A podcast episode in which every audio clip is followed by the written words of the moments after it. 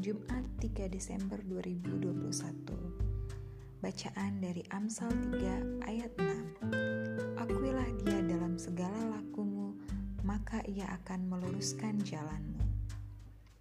Meluruskan jalanmu. Sebagian orang meyakini tita ini adalah janji.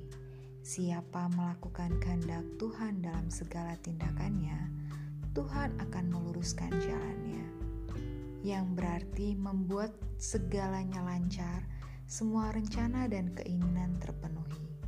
Tetapi sesungguhnya bukan itu maksud Tita ini. Ia akan meluruskan jalanmu. Demikian kata Amsal.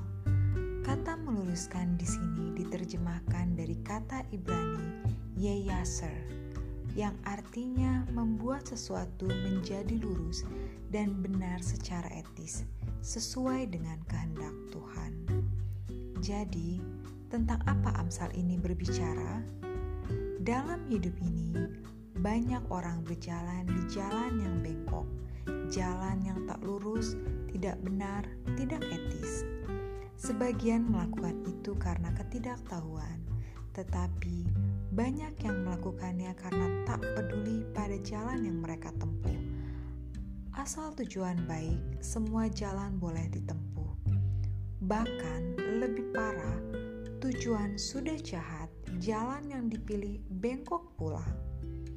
Kita tahu jalan yang kita tempuh dalam meraih tujuan itu sangat penting, sama penting dengan tujuan itu sendiri sehingga meskipun tujuan kita baik, jika jalan yang kita tempuh bukan jalan yang lurus, jadi salahlah tindakan kita. Sebab itu, meluruskan jalan hingga secara etis benar adalah sangat penting. Jadi, apa maksud kita ini? Kita diundang untuk memperlakukan kehendak Tuhan dalam semua tindakan kita berjalan di jalan yang direstui Tuhan. Perjuangan untuk memperlakukan kehendaknya dalam tiap tindakan itu akan dipakai Tuhan untuk mendekatkan kita pada jalan yang secara etis lurus, jalan yang diperkenankan dan diberkati Tuhan. Inti renungan harian kita kali ini adalah siapa mengejar kebenaran dan kasih akan memperoleh kehidupan, kebenaran, dan kehormatan.